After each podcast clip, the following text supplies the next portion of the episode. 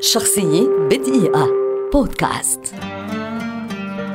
سمير سيف مخرج مصري كبير ولد عام 1947 ويعد واحدا من أبرز المخرجين في تاريخ السينما المصرية والعربية.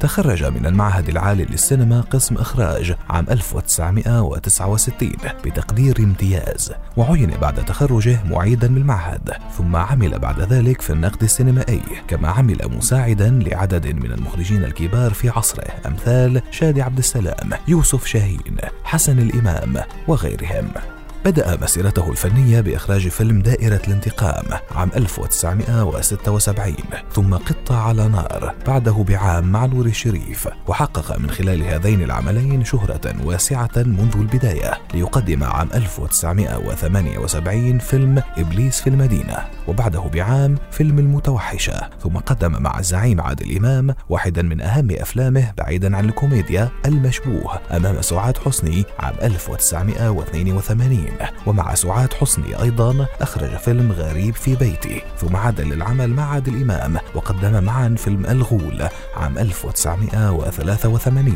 قبل أن يعود لنور الشريف ليقدم بعد عام فيلم آخر الرجال المحترمين.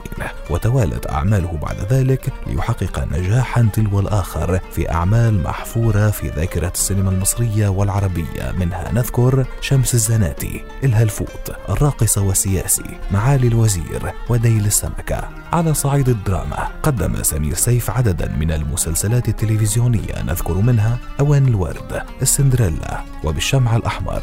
كما قدم عملين للمسرح هما حب في التخشيبة وسبعة اثنين سبعة. في التاسع من ديسمبر عام 2019 أثر نوبة قلبية رحل المخرج الكبير سمير سيف عن عمر ناهز 72 عاما. شخصية بدقيقة.